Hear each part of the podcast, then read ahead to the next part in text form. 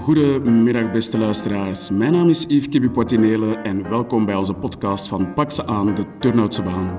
Velen onder jullie hebben hoogstwaarschijnlijk al wel eens van ons gehoord via enkele ludieke acties die we dit en vorig jaar aan en rond de Turnhoutse baan gedaan hebben. Maar voor zij die ons nog niet kennen en om enige misverstanden te voorkomen, zal ik jullie heel kort nog eens eventjes toelichten wie we zijn en wat we juist doen. Pak ze aan, de Turnhoutse baan is een burgerinitiatief dat uit liefde voor de Turnhoutse baan weegt op het mobiliteitsbeleid met ludieke en creatieve acties, maar ook met planmatige brainstorm sessies. Pak ze aan de Turnhoutse baan blijft de druk op het beleid opdrijven, zodat de Turnhoutse baan hopelijk in de snelle toekomst er meer uit komt te zien als een gezellige en veilige winkelstraat met een stadsvriendelijke mobiliteit waar veel plaats is voor beleving en ontmoeting en waar handeldrijven slim mogelijk gemaakt wordt. En voor de tweede editie heb ik, uh, van onze podcast heb ik de eer om een zeer interessante dame genaamd Samira Mumu uh, uit Borgerhout te mogen uh, bevragen. Dus Samira, hartelijk dank om wat tijd vrij te maken en welgekomen op onze podcast natuurlijk. Dank u wel voor de uitnodiging. Voilà, bij deze. Bij deze. Um, Samira, kan jij je misschien heel kort eens eventjes voorstellen aan onze luisteraars? Ja, dus ik ben Samira, ik ben eigenlijk uh, voornamelijk kijk, bezig met ruimtelijk ontwerp. Mm De afgelopen tien jaar heb ik mij vooral uh, ingezet bij binnen de beeldende kunsten eigenlijk. Ja. Um, dat gaat van technische plannen tekenen voor kunstwerken die ja, in openbare ruimte geplaatst worden, tot eigenlijk uh, de tentoonstellingsarchitectuur, tot het ontwerp van atelierruimtes okay. en ook scenografie voor theater. Ja, ja, ja. Eigenlijk wou eigenlijk nooit in Antwerpen studeren, want ik ben eigenlijk van Lier afkomstig. Ja. En ik heb toen uh, gekozen voor de opleiding film, omdat ik dan wist dat ik naar Brussel kon gaan. Ja.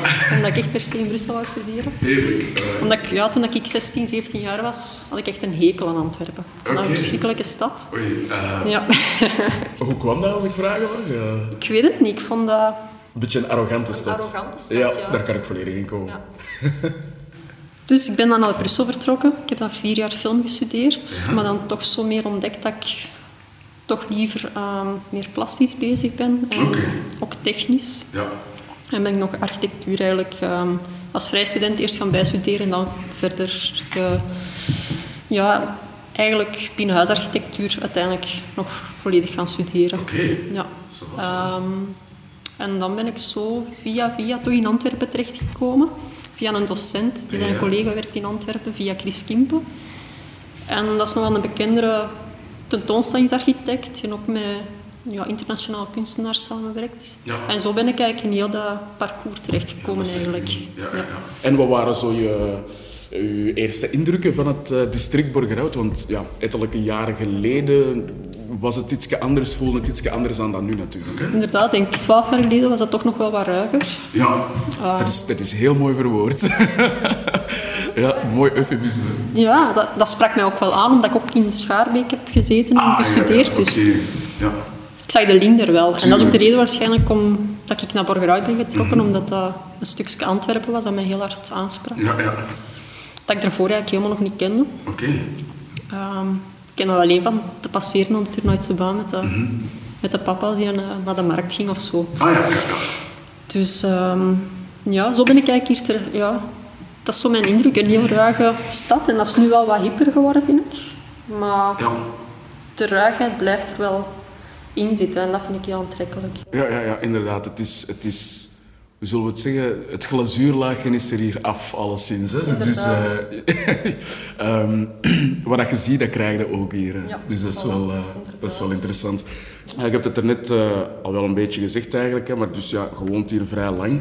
Um, hoe heb je Borgerhout eigenlijk zien evolueren? Ik heb dat vooral zien evolueren toen ik hier kwam wonen. Was er eigenlijk op vlak van artistiek, op artistiek vlak was er hier nog niet zoveel. Mm -hmm. Maar dat is echt wel de laatste denk zes jaar of zo echt heel hard veranderd. Ja. Heel veel galerijtjes die hier zijn bijgekomen. Um, er zijn ook x van Zuid, van Antwerpen-Zuid ineens naar Borgerhout is verhuisd. Dus op de artistieke vlak vind ik dat heel positief hoe dat, dat is veranderd in die afgelopen tien jaar of zo. Nu, op vlak van mobiliteit, want je hebt redelijk wat werken meegemaakt dan in en rond de Turnhoutse baan, neem ik aan. Hè?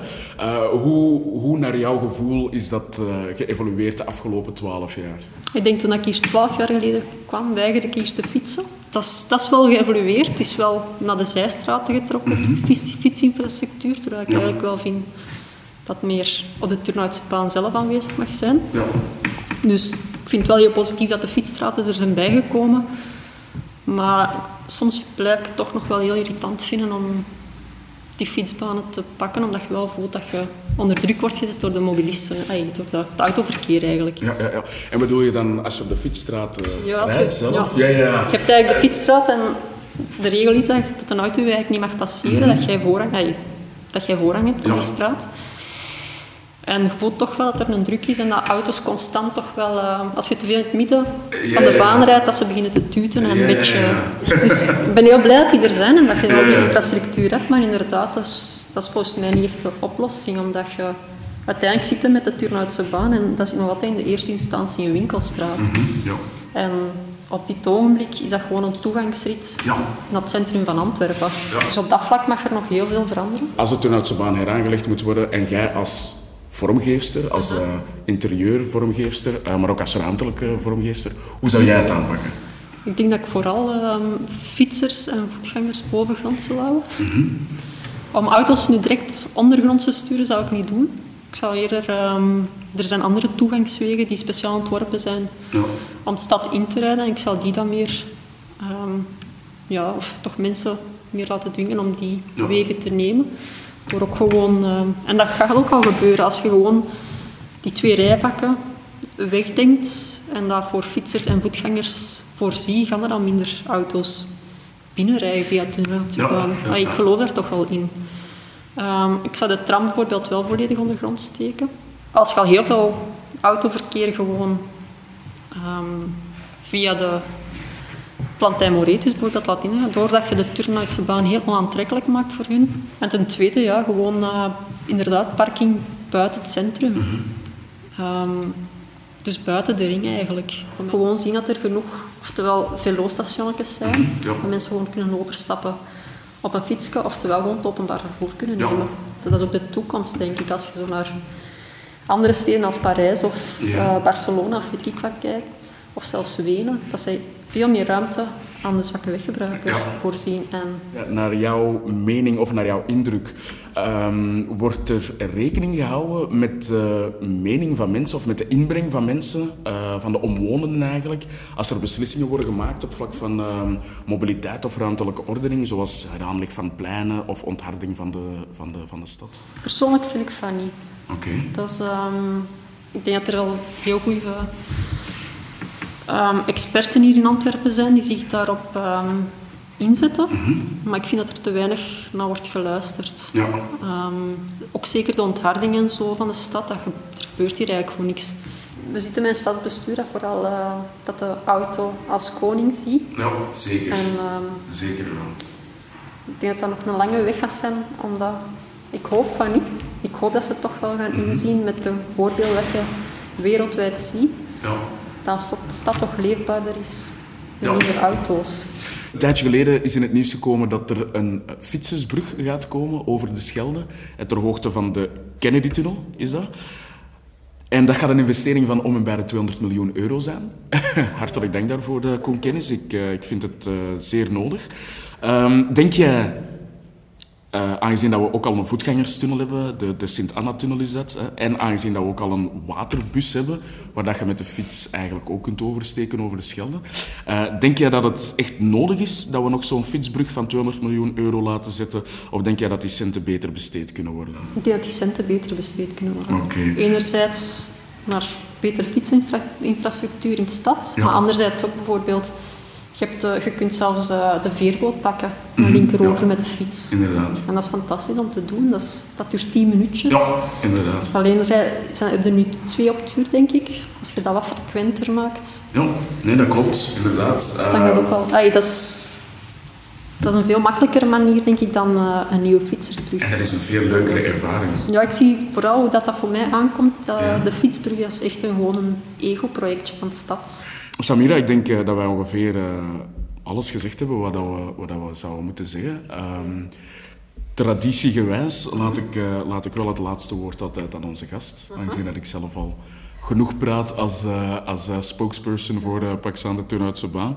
Um, dus ik weet niet, zijn er nog dingen die jou op het hart liggen die er toch nog eventjes uit moeten? Of heb jij nog een boodschap voor onze Antwerpenaren? Of wil jij nog een motivational speech doen of zo bijvoorbeeld?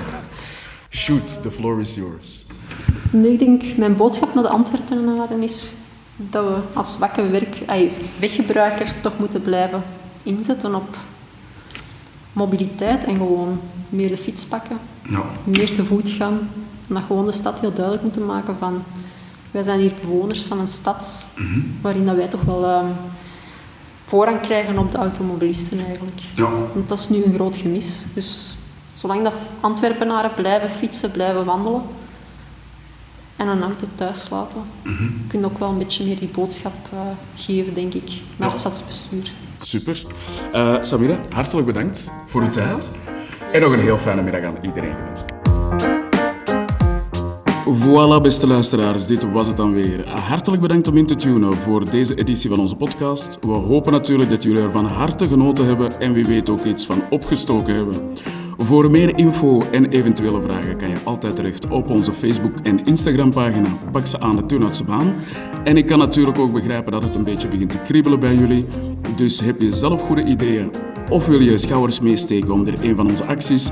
Aarzel dan zeker niet om ons een mailtje te sturen naar pakseaandeturnhoutsebaan.gmail.com. Dan rest mij niets anders dan al onze vrijwilligers nog eventjes te bedanken die dit mogelijk gemaakt hebben. En ik hoop dat jullie volgende keer natuurlijk weer intunen. Hartelijk bedankt en nog een heel fijne middag. Bye bye.